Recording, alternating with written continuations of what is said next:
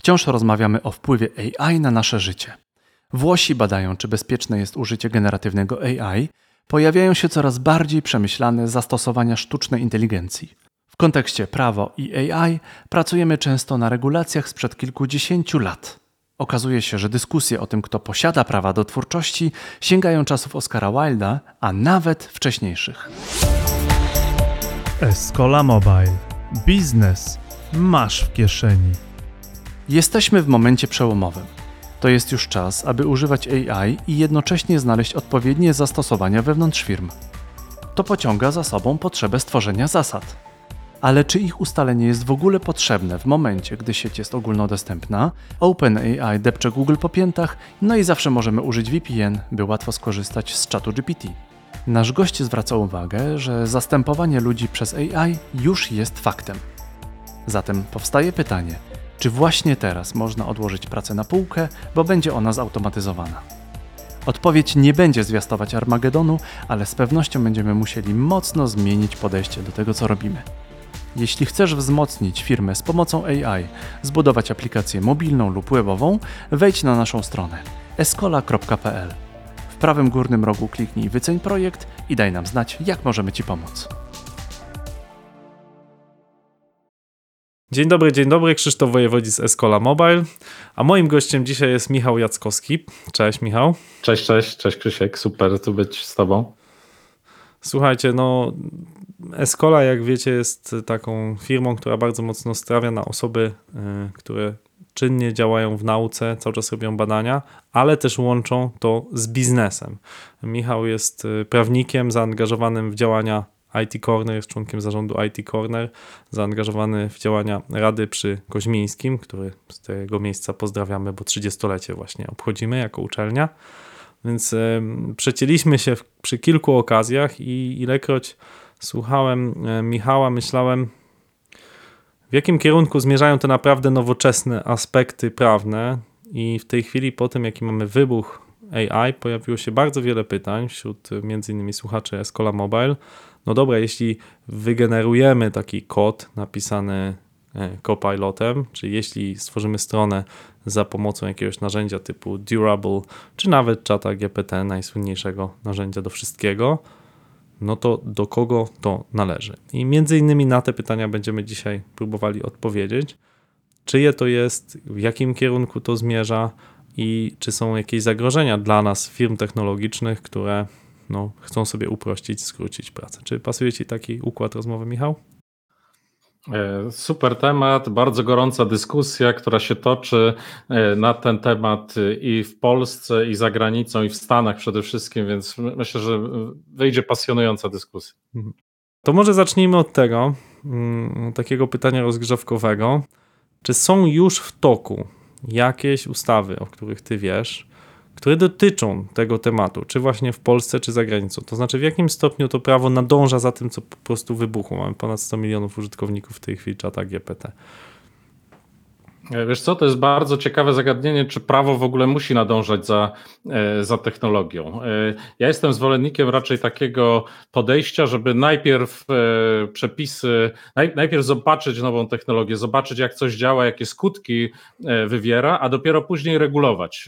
Nie wiem, podam, podam przykład dotyczący przetwarzania danych osobowych. Ja przez przypadek zająłem się przetwarzaniem, ochroną danych osobowych ponad 20 lat temu. Mój promotor powiedział mi, pisząc pracę magisterską, zajmij się tym, zobacz, jak to, e, jak to działa, jak to wygląda. Wtedy problem związany z danymi osobowymi to były książki telefoniczne czy spisy lokatorów na klatkach schodowych. A ja zacząłem pisać książkę o ochronie danych medycznych. E, nowa ustawa ówczesna obowiązywała dopiero kilka lat. E, no i co w międzyczasie się wydarzyło? W międzyczasie powstały serwisy społecznościowe z miliardami E, userów. E, w międzyczasie e, powstały agencje przetwarzające miliony czy setki milionów danych osobowych dla celów marketingowych, a RODO zostało uchwalone dopiero po wielu, wielu, po wielu, wielu latach.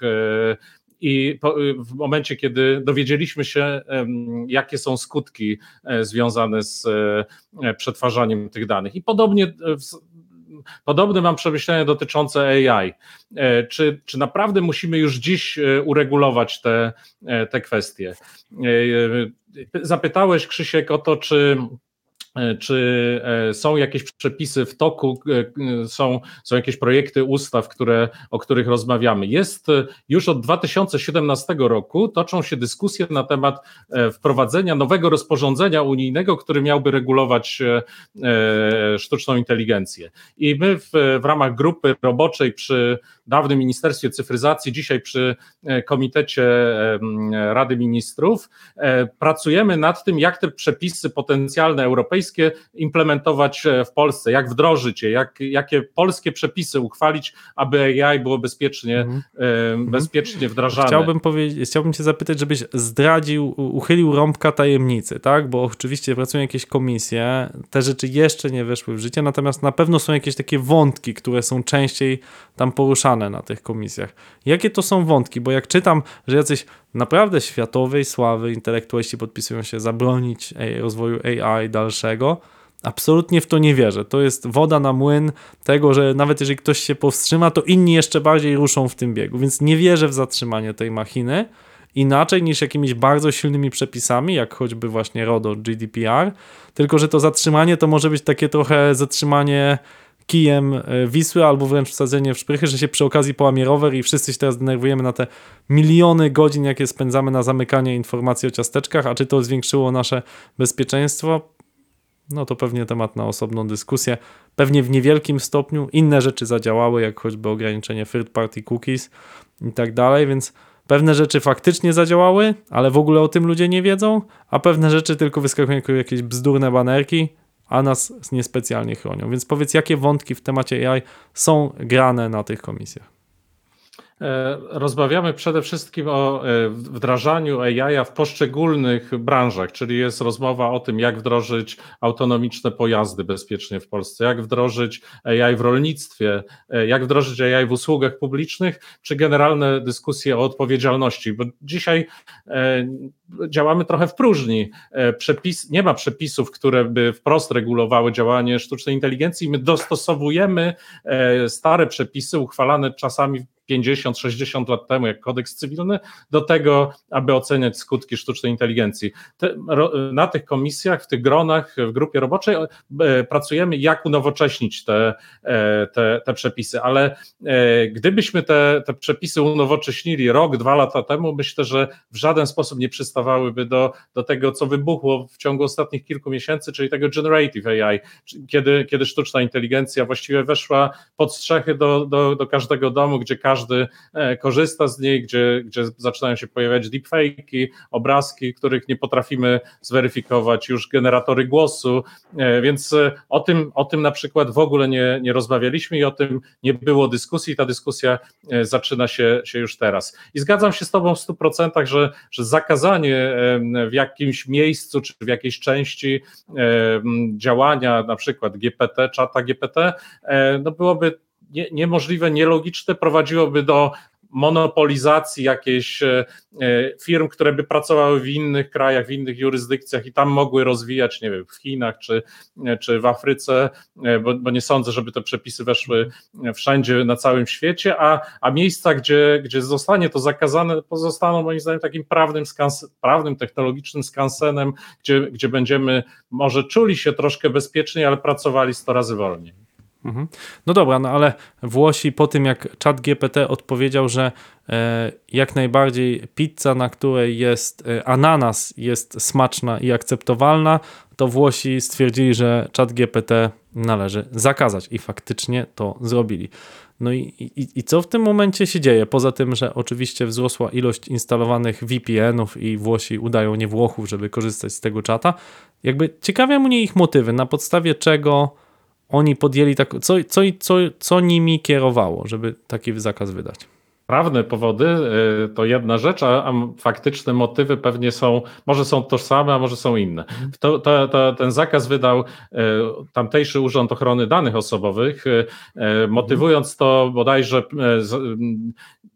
potencjalnymi naruszeniami dotyczącymi małoletnich, czy brakiem możliwości weryfikacji mm. ochrony osób małoletnich i tego, jaki jest flow ochrony danych w, e, w ramach e, GPT. No do czego to doprowadzi? Po pierwsze, Włosi będą udawać nie Włochów. Oczywiście można zrobić to samo, co zrobili Chińczycy, czyli zakazać VPN-ów pod groźbą kary więzienia, no i wtedy Włochy zostaną, wrócą do tego, do tego, do tych czasów, kiedy, kiedy będziemy oglądać oglądać piękne, no, ale to ustalmy ruiny. A, abstrakcja, bo, bo, bo, bo jednak Włochy to Unia Europejska, y, kraj demokratyczny, a, a Chiny to Chiny, o, kraj jednak y, no, ustroju bardziej zbliżonym do jakiegoś tam totalitarnego. Więc to się nie stanie, natomiast no właśnie. Czyli rozumiem, że argumenty były, że nie weryfikują wieku i faktycznie chyba czat nie weryfikuje i rozumiem jakichś tam potencjalnych zagrożeń, tak? Ale ten, to, tam, to, to nie jest jakoś karalne, rozumiem, to jest po prostu jakaś tam pseudo-rekomendacja, tak? Czy to jest faktycznie wyłączone z ich, z ich domeny? E, to, to zostało wyłączone w, we mhm. Włoszech. Nie można wejść na, na czata GPT we Włoszech. To jest taki środek tymczasowy, zabezpieczający. Czyli urząd powiedział, zbadamy, czy to jest bezpieczne, czy nie ma na razie E, mowy o naruszeniu, tylko jest mowa o zagrożeniu. E, czyli, mhm. czyli będziemy badać, ale badanie znając e, prędkość włoską, która, która jest podobna do, a nawet gorsza czasami od polskiej, myślę, że to może zająć ładnych parę miesięcy, jeśli, jeśli nie mhm. lat. Więc mhm. no, co pozostanie Włochom? Wyjechać do Szwajcarii, Francji, żeby szybciej popracować albo zlecać to, zlecać prace wymagające, wymagające takich wykorzystania AI przy powtarzalnych taskach za granicę. E, nie, nie sądzę, żeby to było dzisiaj możliwe i racjonalne. Super, czyli jak słuchają nas w tym momencie e, agencje interaktywne, czy software house'y, czy firmy oferujące usługi w zakresie AI, no to ofertujcie Włochów, jest to kolejna nisza, która się buduje. Porozmawiajmy trochę o prawach autorskich w zakresie AI, bo to, to pytanie padało nawet e, jak promowaliśmy naszą rozmowę, bardzo dużo mm, wątpliwości wzbudza, do kogo należy kod, który napisało AI. Do kogo należy, e, jeśli ja napisałem program komputerowy w oparciu o AI, do, ko do kogo właściwie, czy ja go napisałem, jeżeli ja go ja promptowałem, czy należy to do jakichś e, autorów, a może do tej maszyny. To jest trochę problem jak to, że jak napis, namalowała, rozumiem, małpa dany obraz, to do kogo należy ten obraz. Do małpy nie może wedle prawa należeć, więc czy należy do opiekuna w zoo, czy, czy do zoo jako całości, czy no nie wiadomo do kogo. Więc to trochę jest podobny dylemat z czatem, nie? E, trochę podobny e, i właśnie ciekawą, ciekawą rzecz poruszyłeś. Porusz... E, jesteśmy w takiej sferze, gdzie do nowoczesnej technologii musimy dopasować stare przepisy. Ta dyskusja, czy, czyje jest, co jest utworem, toczy się od kilku, od 150 lat co najmniej. Czy, czy, czy, czy, utwór musi być wykonany przez człowieka? I w Stanach, i w polskich przepisach przepisy wprost nie mówią o tym, że, że człowiek musi być wykonawcą utworu. Czyli IP teoretycznie, e, e, powstanie IP wymaga jedynie elementu twórczego, czegoś innowacyjnego, czegoś oryginalnego. To, to my raczej jako prawnicy, komentatorzy czy sądy dopowiadają, że, że to musi być e, wytwór człowieka. I teraz zadajmy sobie pytanie, czy, czy pod wpływem technologii, zmian, dynamiki nie zmienić interpretacji tych przepisów case małpa i, i, i, zdjęcia zrobione przy pomocy selfie sticka to, to wyroki z lat nastych XXI wieku. Fotograf dał, dał małpom e, selfie sticka, e, one zrobiły sobie super zdjęcia i te super zdjęcia dostały jakąś nagrodę i e, no, po, po jakimś czasie fotograf zaczął domagać się e, zakazu nienaruszania jego praw, bo to on dał małpom e, aparat i, e, i uważał, że jest współautorem tych, te, tego, tych zdjęć, czy, czy twórcą, i to on ma IP. Sądy amerykańskie powiedziały, że, że nie, że taki utwór nie ma autora, nie ma twórcy, czyli, czyli zdjęcia są w domenie publicznej, ale ta dyskusja ona już trwa od lat 80. XIX wieku, kiedy zrobiono zdjęcie Oscara Wilda e, i fotograf, e, fotograf który, który zrobił te zdjęcia, zaczął domagać się, aby, aby jego zdjęć nie wykorzystywać publicznie. Sprawa trafiła już aż do Sądu Najwyższego amerykańskiego. Naruszyciele tego, czy, czy osoby, które wykorzystywały zdjęcia E, to, to zdjęcie, twierdziły, że, że to nie jest utwór, bo, bo przecież fotograf odwzorowuje dzisiejszą rzeczywistość. Zdjęcie to nic innego jak przeniesienie na kliszę tego, co jest przed tobą, więc gdzie, e, gdzie twórczość. Amerykański Sąd Najwyższy powiedział, że twórczością jest e, całość działań związanych z tą fotografią, czyli kompozycja, wybór, doradzenie, w jakiej pozie ma Oscar Wilde siedzieć i w końcu wykonanie tego zdjęcia. I myślę, że my możemy do tego i do tego orzeczenia, i do późniejszych wyroków, i późniejszych case'ów trochę nawiązać. Czyli powiedzieć o tym, że e, zastanowić się nad tym, czy jeżeli promptujemy, jeżeli e, robimy jakąś pracę twórczą związaną z tym, żeby zapłodnić AI naszą ideą, naszą myślą, później nadzorujemy tą sztuczną inteligencję w jakiś sposób, a potem wy- dokonujemy wyboru e, rozwiązania, które, które nam generuje AI, no to mamy swój element twórczy, a AI, sztuczna inteligencja, e, jakiś model językowy jest tylko narzędziem, e, z którego korzystamy, tak jak aparat fotograficzny przy, e, przy zdjęciu Oscara Wilda. Ale to nie jest takie proste, bo mhm. są również case'y trochę odmienne z ostatniego roku.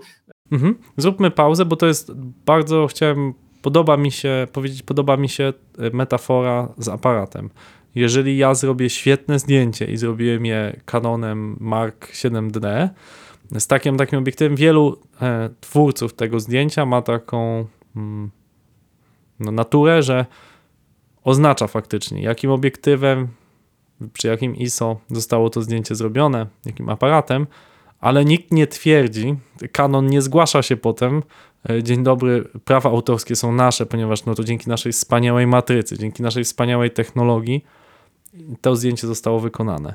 I też nie widzę, żeby nikt z czata GPT chciał rościć sobie prawa do tego. Natomiast e, i, i, trochę inaczej wygląda sprawa, jeśli chodzi o odpowiedzialność, jeżeli już jadę samochodem autonomicznym, bo samochody podlegają wielkiej certyfikacji, e, bezpieczeństwa i tak dalej. No i jeśli ja jadę samochodem autonomicznym, czy semi-autonomicznym, bo w pełni autonomiczne to są tylko w, w, że tak powiem w reklamach, w reklamach Tesli. No jednak ze względu na mm, jakiś błąd tego oprogramowania spowoduje wypadek, to pewnie będę domagał się odszkodowania jednak od twórców tego, tej maszyny i w tym twórców oprogramowania. I co wtedy? To wtedy już powiem, że trochę nie moja wina. Nie, nie tylko ja jestem winny jako kierowca. Bardzo dobre porównanie. W, tej, w, tym drugim, w tej drugiej przypadku nie mamy przepisów, które by to, to regulowały. Jesteśmy w próżni i w podobnej próżni poruszamy się e, przy, przy tworzeniu kodu, czy przy, prawach e, IP do, do obrazków, czy, czy dźwięków wygenerowanych przez, przez sztuczną inteligencję. To jest zagadnienie, jak daleko ta, ta, ta, ta AI, ta sztuczna inteligencja tworzy czy współtworzy e, to, co, to, co robimy. E, w zeszłym roku był, e, był case, gdy autorka jednego z komiksów napisała tekst, zrobiła okładkę, ale obrazki stworzył Midjourney i początkowo dostała certyfikat potwierdzający jej autorstwo całości e, całego, całego komiksu od Urzędu Patentowego Stanów Zjednoczonych, kiedy ogłosiła swój sukces na, e, na socialach i powiedziała,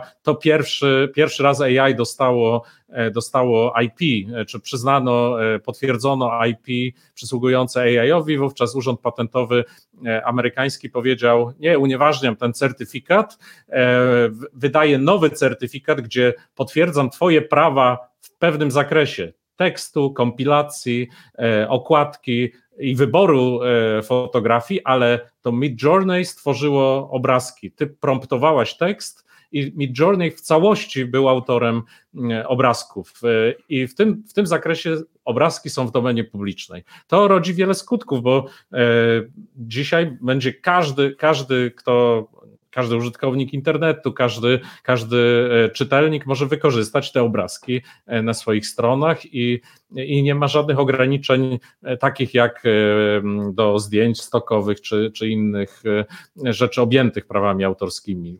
Może korzystać z nich tak jak z obrazów Leonarda da Vinci, które, do, do których prawa wygasły.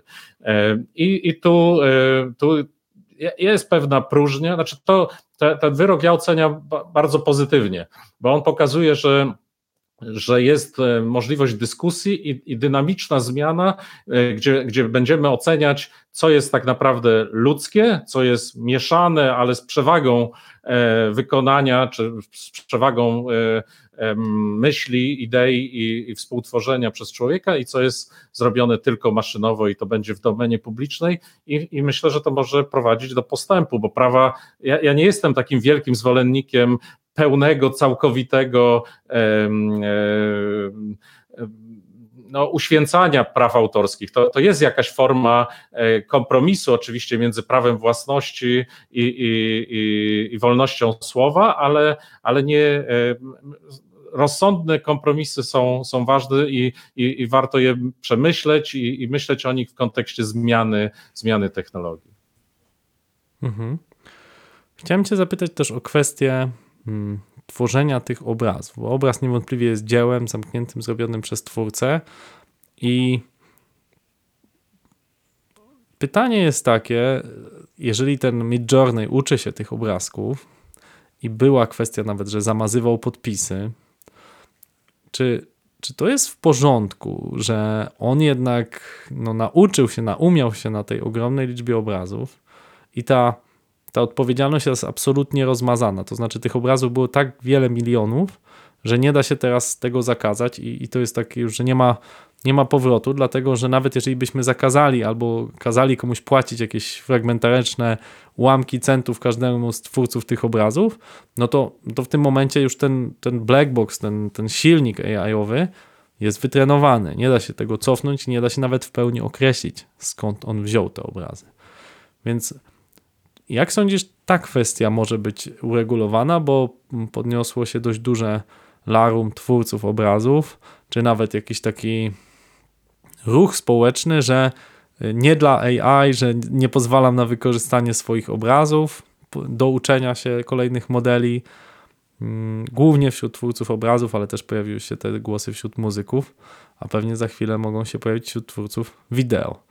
Więc czy da się tę kwestię uregulować? Dla tego pierwotnego twórcy, na podstawie którego dziełach AI się nauczyło, a ta osoba nic z tego nie ma. No to, to jest kolejne ciekawe zagadnienie e, i ono jest różne, czy różne, inaczej uregulowane w Stanach, inaczej uregulowane w Europie.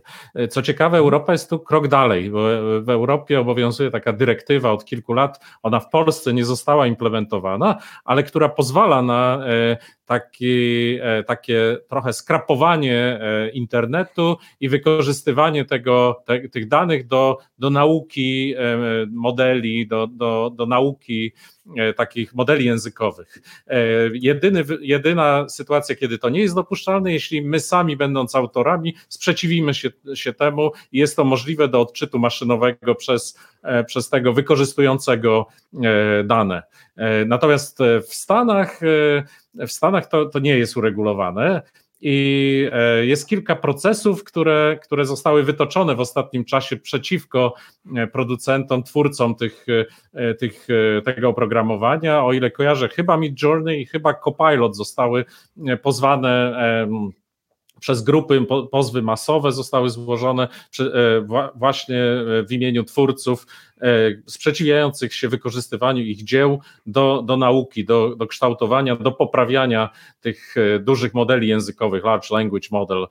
I pewnie jesteśmy w obliczu tego e, jakichś pierwszych precedensów, pierwszych wyroków zapadną one pewnie w ciągu miesięcy lub, e, lub lat, gdzie sądy odpowiedzą, czy mieści się to w ramach tak zwanego fair use, czyli, czyli takiej otwartej klauzuli dopuszczającej e, wykorzystanie mm, dzieł, utworów dla, dla uczenia tych, tych modeli. Co ciekawe, w Stanach, w Stanach przyjmuje się taką dynamiczną metodę wykładni, czyli, czyli wraz z postępem technologii te, te wyjątki stają się dopuszczalne. E, dyskusja na ten temat była chyba przy, przy danych związanych z wyszukiwarkami, przy obrazkach e, w wyszukiwarkach i tak dalej. I czeka nas pewnie kolejna dyskusja e, związana z tym, czy dopuszczalne jest wykorzystanie tych tych dzieł po to, żeby ulepszyć, ulepszyć sztuczną inteligencję. Jakie jest moje zdanie? No, u, uważam, że jest to, że, że ta europejska regulacja jest fajnym kompromisem, czyli możemy się przeciwstawić, e, e, sami powiedzieć, nie, nie pozwalamy na korzystanie z naszych utworów, a z drugiej strony, jeśli sami wrzucamy często do, je do, e, do sieci, no to godzimy się w, w jakiś sposób nad tym, że, że przeglądarki czy, czy duże modele językowe będą, będą się uczyły i prowadzi to do ogólnego postępu technologicznego. No właśnie, tak bym zgodził się, ale trochę, e, trochę się nie zgodził, bo mm, case'em, z którego ja korzystam sam e, z czata GPT jest skracanie tekstów. Prowadzę też, e, tak jak ty, prace naukowe, robię desk czyli jakby biorę duże zbiory tekstów, Najpierw korzystając z przeglądarek klasy od Google Scholara przez Scopusy i, i inne e, e, przeglądarki tekstów naukowych, najpierw daję zagadnienie. No dostaję w związku z tym kilkadziesiąt, kilkaset ciekawych pozycji do przestudiowania. Wcześniej metodyka mojego przeglądu literatury była taka, że najpierw czytałem abstrakty, a potem kluczowe rozdziały, które dotyczyły danego zagadnienia. W tej chwili zacząłem promptować czata, żeby pisał mi streszczenia. I one często są nawet lepsze niż abstrakty, bo wyciągają jakby więcej mięsa i, i więcej takich namacalnych informacji i często można poprosić, żeby w buletach mi skrócił to. Więc sam z tego korzystam. No ale teraz, jeżeli bazy, z których ja korzystam, często są płatne, tak? Czyli płaci je za nie uczelnia, żebym ja miał dostęp, a teraz ja wrzucając je do, z powrotem do czata, czy, który, jak wiemy, uczył się do 2021, a ja wrzucam tam aktualne teksty, często teksty, które są za paywallem, które do kogoś należą. Lub też w Twoim wypadku może to być y, taki case, że wrzucam 200-stronicową umowę, jakąś złożoną inwestycyjną i mówię, zrób mi skrót, bo mi się nie chce czytać tych 200 stron, chcę tylko skrót, żeby wiedzieć, co w tej umowie jest najważniejszego. Czyli wrzucam coś, co jest objęte no, potężnymi klauzulami e, klasy NDA, gdzie nikt tego nie może poczytać, a tymczasem Bach czytają to roboty.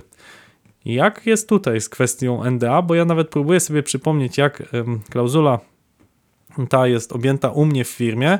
No oczywiście tam jest, że nie możemy udostępniać i tak dalej, ale o niewrzucaniu do modeli trenu, trenujących sztuczną inteligencję nic nie ma prawdopodobnie w naszych umowach. Też jest to kazus po prostu taki na tyle nowy, że nie, wymyśl, nie pomyśleliśmy o tym. Więc jak ma się ta kwestia, czy ja mogę i co się dzieje z tymi informacjami potem?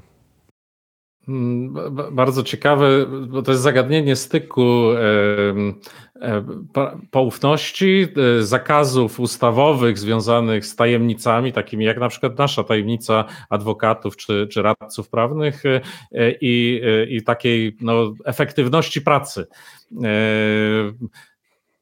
tu znowu nie ma przepisów i tak, tak naprawdę takim, taką regulacją, na którą musimy spojrzeć, jest sam regulamin OpenAI. To jest ciekawe, że jesteśmy w takim momencie e, życia prawnego, że to regulamin e, OpenAI trochę kreuje, e, kreuje naszą rzeczywistość. I co mówi OpenAI sam? Mówi o tym, że prawa do inputów, tego co wrzucasz, ty zachowujesz jako, jako user, a oni sobie w ogóle nie w żaden sposób nie, nie roszczą tych praw, nie, nie, nie chcą tych praw e, e, i, i, nie chcą korzystać z swoich inputów, no ale oczywiście ty, ty musisz oświadczać, że, że masz te prawa do, mm, do, do inputów, czyli jeśli robisz to z naruszeniem innych przepisów, nie wiem, naruszeniem regulaminu e, biblioteki czy, czy uczelni, e, czy, czy wręcz ustawowych przepisów regulujących takie wyjątki e, związane z badaniami naukowymi, no to ty naruszasz przepisy, a nie, a nie OpenAI. I w drugą stronę OpenAI mówi, prawa do outputów są, będą twoje. My przenosimy całość praw, do których do których, e, do, do outputów, które ty wytworzyłeś. E, my nie chcemy mieć tych outputów. Oczywiście nie oznacza to, e, jak już przed momentem rozmawialiśmy, że, że ty stajesz się twórcą, no bo, bo czasami mogło to, czasami sąd może uznać, że stworzyło to OpenAI, sztuczna inteligencja i, i nie ma do tego IP. No i jak, jak to się ma do, do, do przepisów, do NDA i różnych innych rzeczy? Musimy znowu spojrzeć w regulamin w OpenAI i regulamin OpenAI mówi tak, że jeśli wrzucam coś za pomocą API, oni tego nie uwzględnia, nie, nie wykorzystują dla potrzeb e, poprawiania usług, ale jeśli wrzucasz coś przez non-API transfer, e, już e, OpenAI zachowuje sobie prawo do wykorzystania całego tekstu, całego kontentu, promptu, który ty wrzuciłeś, po to, aby ulepszyć usługi. I nie mówią w żaden sposób, że tylko robot na to, na to patrzy nie ograniczają w żaden sposób tego swojego prawa. To może robić człowiek, robot i człowiek e, w teamie z robotem, a nawet team ludzi. E, jaki, jaki jest efekt? E, no, moim zdaniem wprost naruszenie NDA-ek pewnych, czy wprost naruszenie niektórych przepisów związanych z ochroną danych, czy z ochroną tajemnic. Czyli no, anonimizujmy na przykład to co, to, co wrzucamy. Oczywiście Wielu tego mhm. nie robi. Mhm. Miałem bardzo ciekawą rozmowę z, z, dużą firmą informatyczną ostatnio, która wprowadzi, nie wiedząc co zrobić, wprowadziła zakaz korzystania z, ze sztucznej inteligencji przy pisaniu kodu, e, ale jednocześnie mówi, kurczę, super rewelacja, bo nam efektywność wzrosła trzykrotnie, więc e, widzimy, że, że wszyscy kodują za pomocą e, narzędzi, które, które mają. No i pytają mnie, co my mamy zrobić, e, w jaki sposób to, to ustrukturyzować. Więc jesteśmy w takim momencie, że żeby biznesowo ten AI wpleść w firmie e, swojej, no musimy opracować procesy, w których ten dodatkowy gracz, którego jeszcze przed momentem nie mieliśmy w swoim biznesie, wchodzi, jest mhm. angażowany. Uregulować to, jak, jak on to robi, E, a nie udawać, że wprowadzamy zakaz, a jednocześnie cieszymy się, że, że wszyscy promptują i, ma, i dostają właśnie super abstrakty w ciągu, w ciągu minut, które jeszcze dają więcej mięsa. Więc, więc e, to, to fajna rzecz, bo trzeba znaleźć ten balans między zakazami i efektywnością. Mhm. Trzy ważne rzeczy usłyszałem od ciebie. Pierwsza to, że jeżeli płacimy za czata GPT, czyli korzystamy z API, tego, tego czwartego w szczególności, no to on nie wykorzysta tej wiedzy do uczenia modelu. Druga rzecz, którą powiedziałeś, że jeżeli korzystamy z tej bezpłatnej wersji, no to nie robimy tego przez API, tylko bezpośrednio w czacie, to on mo może wykorzystać, to jest takie piękne internetowe określenie w regulaminach, do poprawy jakości naszych usług. Tak? Korzystamy z ciasteczek w celu poprawy jakości naszych usług, korzystamy z Twojej wiedzy w celu poprawy jakości naszych usług. Czytaj, będziemy po prostu patrzeć, głównie oczywiście maszynowo, ale również człowiek może na to patrzeć. O tym, jak człowiek poprawia algorytmy AI, będziemy sobie jeszcze za chwilę rozmawiać, bo, bo ludzie myślą, że to jest jakaś taka wielka maszyna, a mało mówi się o tym, jak wielu data scientistów e, pracuje nad tym, żeby oczyścić te dane z wielu różnych rzeczy. I trzecia rzecz, którą ważną powiedziałeś, to być może jest to czas pomyśleć w organizacji na temat tego, jaki regulamin, jakie wewnętrzne procesy, procedury wprowadzam w firmie a propos korzystania z tego typu narzędzi. Bo pokusy są, ja już byłem na wewnętrznych prezentacjach u nas w Escola, gdzie chłopaki za pomocą e, event stormingu, to jest metoda, którą my korzystamy do robienia analiz biznesowych, E, za pomocą naklejania zwykłych karteczek budowali dosyć poważne fragmenty kodu, czyli naklejaliśmy karteczki po warsztatach, takich biznesowych z klientem. Oni naciskali Enter przez swoje API i pojawiał się pełny kod w Laravelu. To nie był pseudokod tak zwany, to był pełny kod, który można było odpalić tam z drobnymi poprawkami. Więc to faktycznie robi wrażenie i tworzy pokusę dla programisty, ok, skrócę sobie czas pracy. Natomiast ja wrzuciłem ten, e, te wyniki, które, co mówi w tej chwili research na temat narzędzi typu e, Copilot i innych do generowania kodu. I niestety one pokazują, że ponieważ one myślą dość schematycznie i budują kod w sposób dość schematyczny, to są niezwykle podatne na ataki. Warto to, to żeby wybrzmiało, ponieważ właśnie AI jest takim zbiorem statystycznie, jak kod jest robiony najczęściej, i może też odsłaniać najczęstsze dolegliwości, jakie ma kod, szczególnie jeśli to są takie technologie klasy e, WordPress czy innych takie, które są typowe, że tam się co jakiś czas pojawiają jakieś luki e, bezpieczeństwa. I to prowadzi mnie do pytania, czy o, o, o to, co nurtuje bardzo wiele osób. Czy Twoim zdaniem faktycznie ta, ta, ta zdolność tego uczenia maszynowego jest w stanie wyeliminować część e, może całych zawodów, a może jakiejś części tych zawodów. Mówi się oczywiście o, o, o, o prawnikach, o księgowych, o programistach również. Jak widzisz tutaj, czy to jest straszenie, czy to jest mylne? Jak ty to widzisz? Wiesz co, uważam, że, że jest ryzyko e, wycięcia grup zawodowych, które nie będą potrafiły się, e, się dostosować. Nie całych zawodów, bo, bo i programiści, i prawnicy, i wiem, radiolodzy na przykład, e, którzy przecież mogą być zastępowani przez AI oceniające e, zdjęcia rezonansów i e, czy kardiolodzy oceniający EKG mogą zostać zastąpieni w jakiejś części przez sztuczną inteligencję. Myślę, że będziemy wszyscy musieli się przekwalifikować. Podałeś przykład programistów zastępowanych przez, przez Copilota. No, przecież są dyskusje o kodzie, który nie tylko jest podatny na, e, na naruszenia, ale e, na przykład kopiujący licencje copyleftowe, które powodują zawirusowanie całego, e, całego kodu źródłowego w taki sposób, że będę musiał i ja, i mój klient, i jego klient open source'ować narzędzie i nie będę mógł korzystać z niego w, w taki sposób komercyjny. Więc to, to nadal będzie rolą człowieka, aby, aby zweryfikować stestować.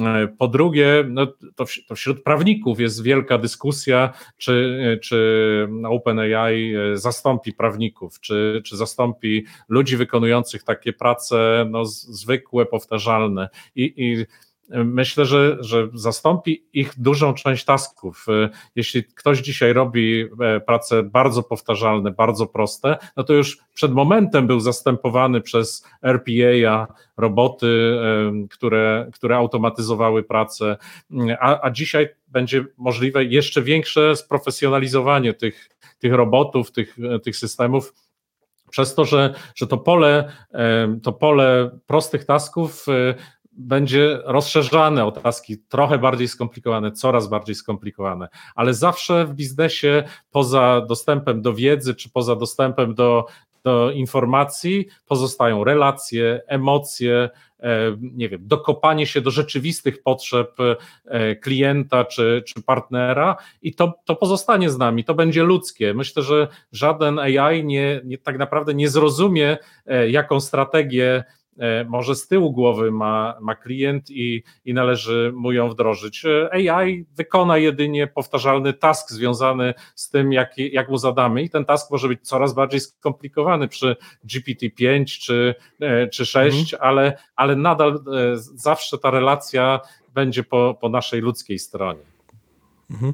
No tak trochę się wymigałeś od odpowiedzi, jak to właśnie prawnik, że no trochę zastąpi, ale będzie potrzebna relacja, no ale dobra, no na ile zastąpi? Obstawiasz, że jeżeli na kancelarię 50-osobową przypada, nie wiem, 20 młodych programistów, którzy głównie czytają case'y, którzy zajmują się przygotowaniem jakby całego takiego tła do tego procesu, czy jakiejś e, kwestii, którą rozważacie, pewnie 20, 20 prawników, którzy głównie nad tym E, pracują tak jakby faktycznie z klientem pracując, czy, czy przygotowując już to, co im tych, tych, tych wcześniej 20 młodszych program, e, nie programistów, tylko prawników przygotowało i nad nimi jest pewnie 10, którzy robią relacje albo już e, tak strategicznie doglądają, mają bardzo duże doświadczenie. Wymyślam tą strukturę, ale pewnie ona podobnie wygląda i często w firmach programistycznych jest całkiem podobnie. Tak?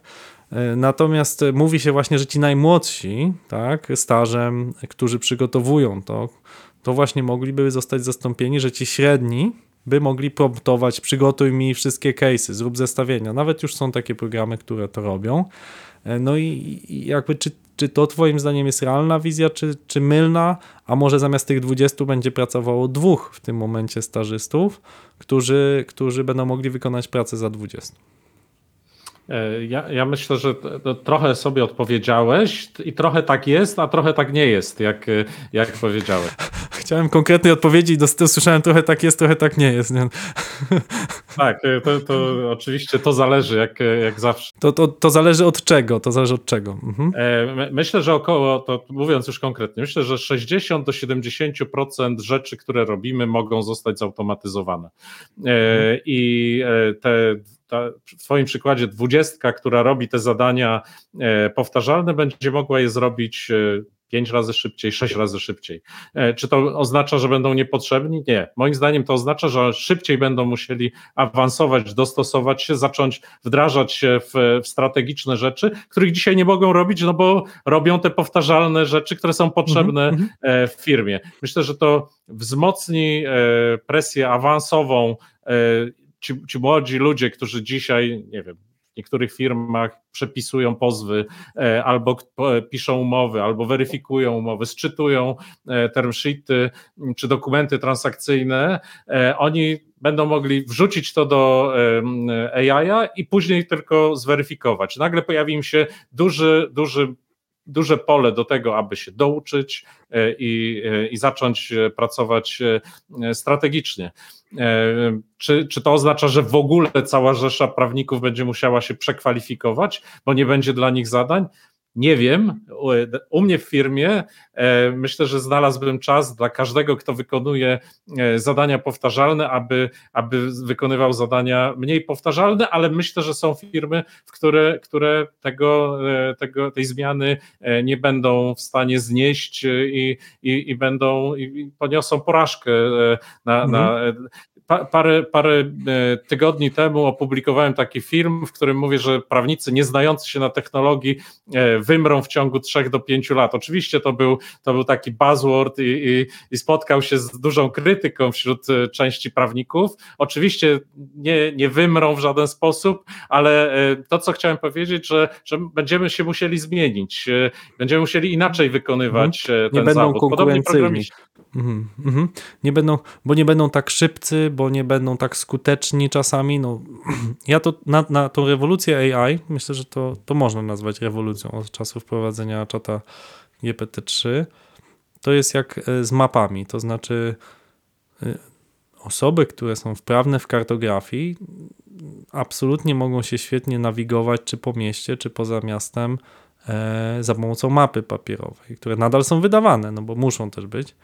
Mm, natomiast mało osób to robi, bo niestety nie mamy tam informacji o korkach i tak dalej. I samo doświadczenie uczy nas, że Google Maps, czy mapy Apple, czy inne, właśnie przez to, zresztą też wytrenowane właściwie tylko i wyłącznie już przez AI w tej chwili, one są po prostu szybsze i skuteczniejsze. A do tego wymagają mniej umiejętności. I tak trochę widzę kogoś, kto faktycznie dalej mm, przetrzepuje te foldery w sposób taki całkowicie ręczny, jak kogoś, kto korzysta z mapy papierowej. To oczywiście jest możliwe i osoba bardzo wprawna jest tylko odrobinę gorsza, a w mo niektórych momentach może być nawet skuteczniejsza. W bardzo niektórych, ale może być skuteczniejsza niż e, ta maszyna. Natomiast e, no, to będzie i bardzo drogie, i będzie wymagało takiego niezwykłego kunsztu, więc 99% będzie się wspomagało maszyną, czasem skorzysta z intuicji, a wiem, że tutaj akurat Google Maps się myli, więc pojadę swoim skrótem i czasem może faktycznie będziemy bystrzejsi, ale to będzie naprawdę 1% albo mniej.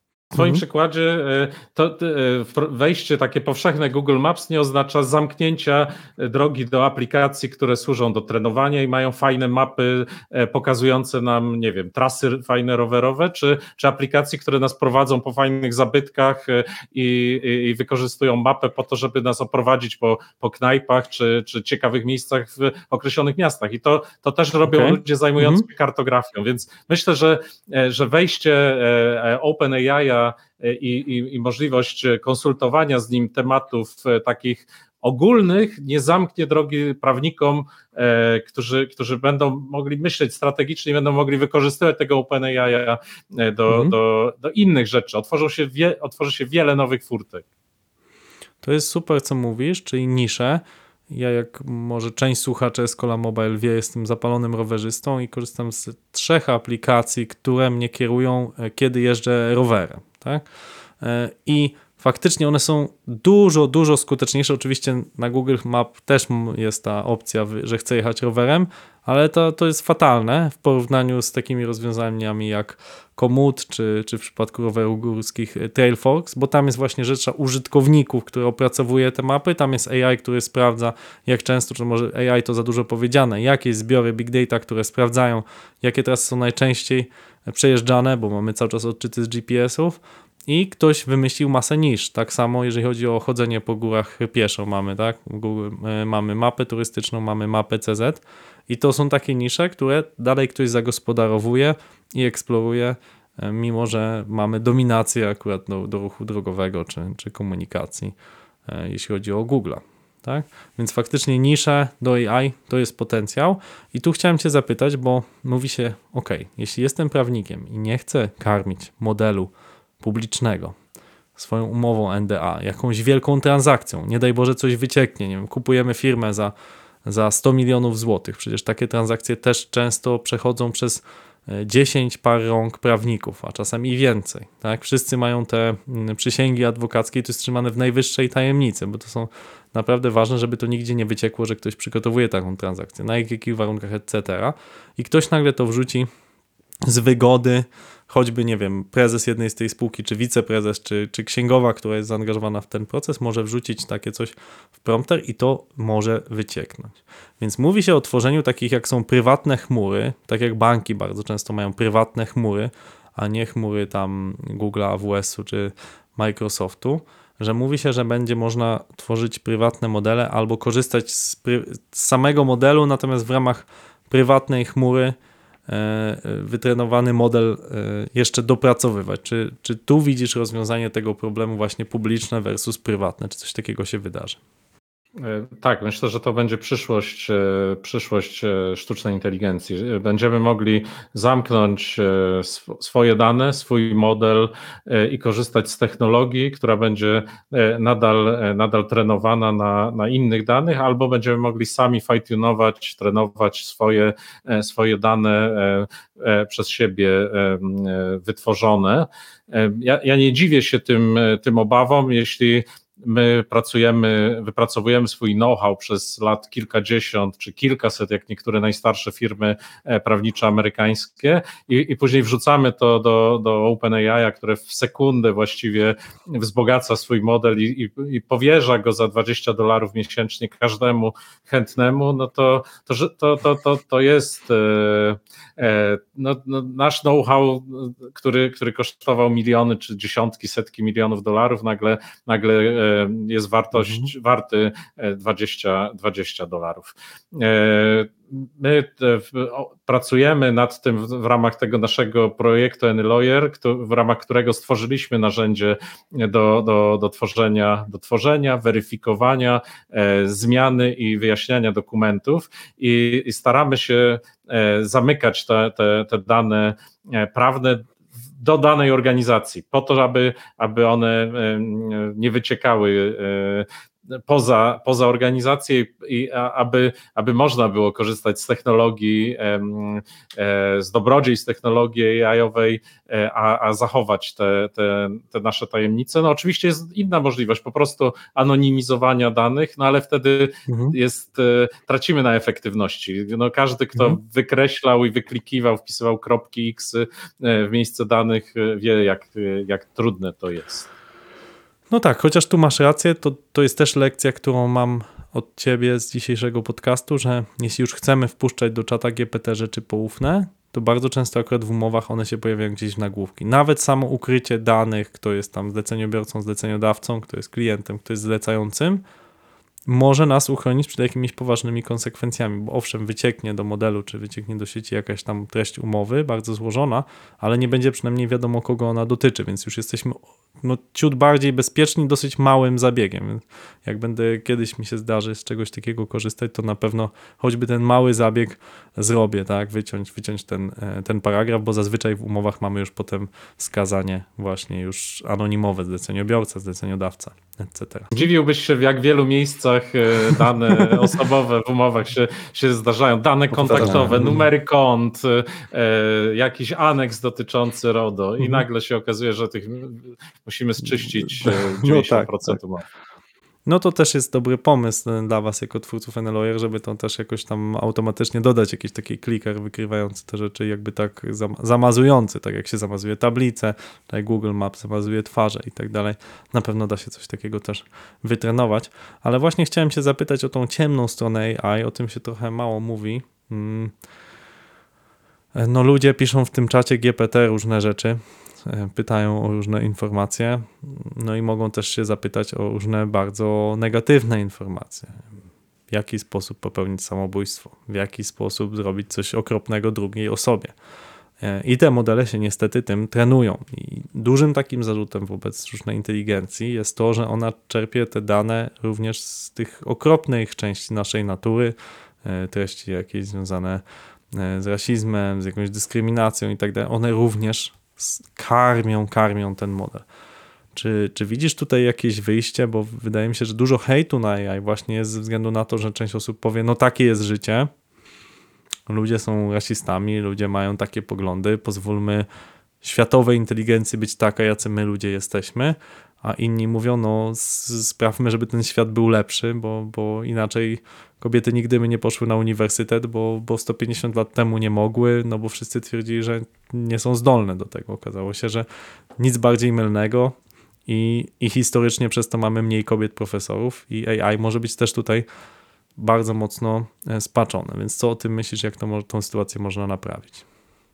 Mm, dyskusja na temat etycznego AI toczy się już od kilku lat. Jak, jak, stworzyć e, model, który nie będzie zawierał tych różnych wątpliwości czy e, biases, jak, jak to mówią Amerykanie. I no, ja byłem świadkiem dyskusji w, w Stanach, gdzie, gdzie pojawiła się taka teza, że 90% e, prac programistycznych jest wykonywana przez białych mężczyzn, białych młodych mężczyzn, e, co, co powoduje, że całość, e, wszystkie te modele, duże modele językowe są skrzywione, przeniesiona jest na nie pe, pewna, pewien model działania, pewien model myślenia e, tych osób, e, co powoduje wykluczenia mniejszości rasowych, mniejszości, e, co, co powoduje, może powodować dyskryminację przez takie modele kobiet czy, czy, czy mniejszości narodowych. I to są rzeczy, które, e, które musimy brać pod uwagę, korzystając z, ze sztucznej inteligencji. E, samo OpenAI na początku, kiedy, kiedy wyszedł już czat GPT-3 i stał się taki e, publicznie dostępny, oświadczał, że, że są takie możliwości, że, że jest możliwe, że, że model jest skrzywiony w jakiś sposób i, i to ludzie powinni korygować e, e, sposób jego myślenia czy, wykorzystywania później w życiu codziennym. W Stanach toczą się wielkie dyskusje naukowe na temat tego, czy wy, wykorzystania na przykład sztucznej inteligencji przy przydzielaniu kredytów.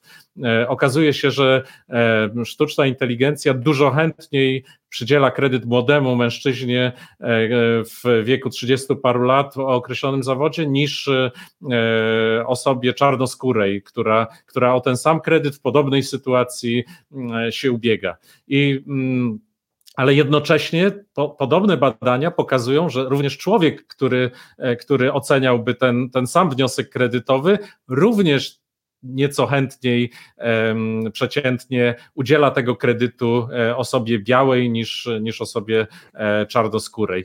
I e, to, to jest wielkie mhm. zagadnienie, czy, czy czy OpenAI powinno korygować człowieka w takiej sytuacji, czy AI no tak, powinno dokładnie. korygować mhm. dzia działania tego człowieka i czy powinno być lekko przegięte na przykład w drugą stronę, wiedząc, że E, że taka korekta równościowa e, jest potrzebna. Myślę, że, że ta wielka dyskusja przed nami e, i, i to, to wielki pomost pomiędzy prawnikami i technologami, informatykami, specjalistami od technologii jest potrzebny, aby, aby te dwie i, i, i prawnicy zajmujący się etyką, i technologowie zajmujący się tworzeniem sztucznej inteligencji zrozumieli się i wypracowali jakiś, jakiś taki kompromis do, mm, do tych, do, do, dla sprawiedliwości sprawiedliwego AI. Mhm. Sprawiedliwe AI, no właśnie, to każdy, każdy ma inną definicję sprawiedliwości i to jest, to jest jakby trudne w naszej naturze. Chciałem cię zapytać o to, co AI będzie potrafiło w 2025 roku. Nie? Niby niewielka data, dwa lata, ale patrząc po tym, co wydarzyło się przez ostatnie kilka lat i jak, jak to szybko rośnie, jaka jest ta następna duża rzecz, która, która może się wydarzyć, albo jakie rzeczy, jeżeli chodzi o adaptacje, mogą się wydarzyć, które będą zmieniać naszą rzeczywistość. Ja, ja myślę, że mm, będzie, może być troszkę odwrót od e, sztucznej inteligencji, czy koniec tego zachuśnięcia, może, może źle to określiłem, mhm. koniec zachuśnięcia się. Myślę, że będziemy mhm. świadkami i w tym roku, i w kolejnym e, przypadków złego wykorzystania e, sztucznej inteligencji. Dojdzie do paru wyroków, które, które mówią o tym, że e, może za dużo e, utworów, czy za dużo dzieł zostało pobranych do wykorzystywania e, AI, dojdzie do spektakularnych wycieków danych w, w setkach startupów, które, w którymś set, ze setki startupów, które, które dzisiaj się tworzą, e, dojdzie do pewnie jakiejś, oby nie, ale, ale czuję, że może dojść do jakichś przykrych sytuacji, gdzie e, sztuczna inteligencja, nie wiem, nadużyje czy, czyjegoś zaufania, albo ktoś, ktoś zbyt przyzwyczajony, że to, że to jednak nie robot, a nie, nie człowiek, a robot e, podąży za jakimś złą, złą radą, więc będziemy, myślę, takimi świadkami takiego urealnienia E, mm, tego hypu e, związanego ze, ze sztuczną inteligencją. To, to jest takie, mhm. takie, moje, tak, takie, takie moje przewidywanie. Oczywiście sztuczna inteligencja będzie potrafiła coraz więcej i będzie ta, ta sfera takich powtarzalnych działań, powtarzalnych zachowań będzie e, poszerzana. To pozwoli ludziom być coraz szybszymi. No jest taki słynny case, kiedy nowy antybiotyk został wymyślony przez sztuczną inteligencję, a ludzie przez kilkanaście bodajże lat, czy kilkadziesiąt nie potrafili odnaleźć, e, wynaleźć nowego antybiotyku, a, a, a, były bakterie już oporne na, na wszelkie wcześniejsze generacje antybiotyków, więc będziemy świadkami również pewnych spektakularnych wynalazków, e, nad którymi będą pracować teamy człowiek i sztuczna inteligencja. Myślę, że do 2025 roku będziemy musieli się nauczyć, że przy tym naszym stole, przy którym siedzieli tylko tylko ludzie, zaczyna siedzieć kolejny interesariusz, kolejny stakeholder, którym jest właśnie AI. E, I e, wykorzysty- e, na, nauczyć się, jak być szybszym, sprawniejszym, ale nadal być człowiekiem w tym, w tym całym świecie szybszym, zasuwającym, coraz bardziej, coraz bardziej efektywnym, ale, ale powinniśmy no właśnie być, pozostać ludcy, bo to, to, to taka obawa tego mojego może zrobotyzowania zrobotyzowania, gatunku ludzkiego. To te, tego powinniśmy się bać, nie dążyć w, w ale jednocześnie wykorzystywać AI e, tak, tak, tak jak się, się da dla, dla poprawy życia ludzkiego. I myślę, że 2025 rok to, to, to, to jest cały czas możliwe. E, w sferze mhm. prawnej myślę, że 80%, 80% naszych tasków będzie możliwe do zautomatyzowania, do wykonywania 10 razy szybciej. Mhm. Nauczmy się w e, świecie dominującego AI pozostać ludźmi. E, ja od siebie dodam, do, nauczmy się wykorzystać HI, Human Intelligence, do tego, żeby analizować, co ta AI sztuczna nam serwuje. Te prawne aspekty AI też określają nam pewną filozofię podejścia do tego, jak będziemy traktować tą sztuczną inteligencję, na ile jej pozwolimy, na ile jej zaufamy, a na ile właśnie pozostaniemy ludźmi. Profesor Michał Jackowski był moim gościem w Escola Mobile. Ja bardzo Wam dziękuję za uwagę dzisiaj. Escola Mobile. Biznes masz w kieszeni. Dziękujemy za Twój czas i za to, że jesteś z nami. Sztuczna inteligencja na pewno nam pomoże zautomatyzujemy wiele rzeczy, będziemy szybciej i efektywniej pracować. Być może za pewien czas część z nas będzie mogła właśnie odłożyć pracę na półkę i zacząć na przykład swobodną twórczość. Chociaż AI zmienia się bardzo szybko, a coraz częściej widzimy niezwykle ciekawe zastosowania sztucznej inteligencji. Jeśli ten podcast dał Ci coś nowego, jeśli nauczyłeś, nauczyłaś się z niego czegoś, czym możesz się podzielić z innymi, prosimy udostępnij ten podcast na LinkedInie, Facebooku, Twitterze, opowiedz o nim Twoim znajomym. To był 151 odcinek podcastu Escola Mobile. Gościliśmy profesora Michała Jackowskiego, rozmawialiśmy o wyzwaniach AI w kontekście budowania prawa. Do usłyszenia.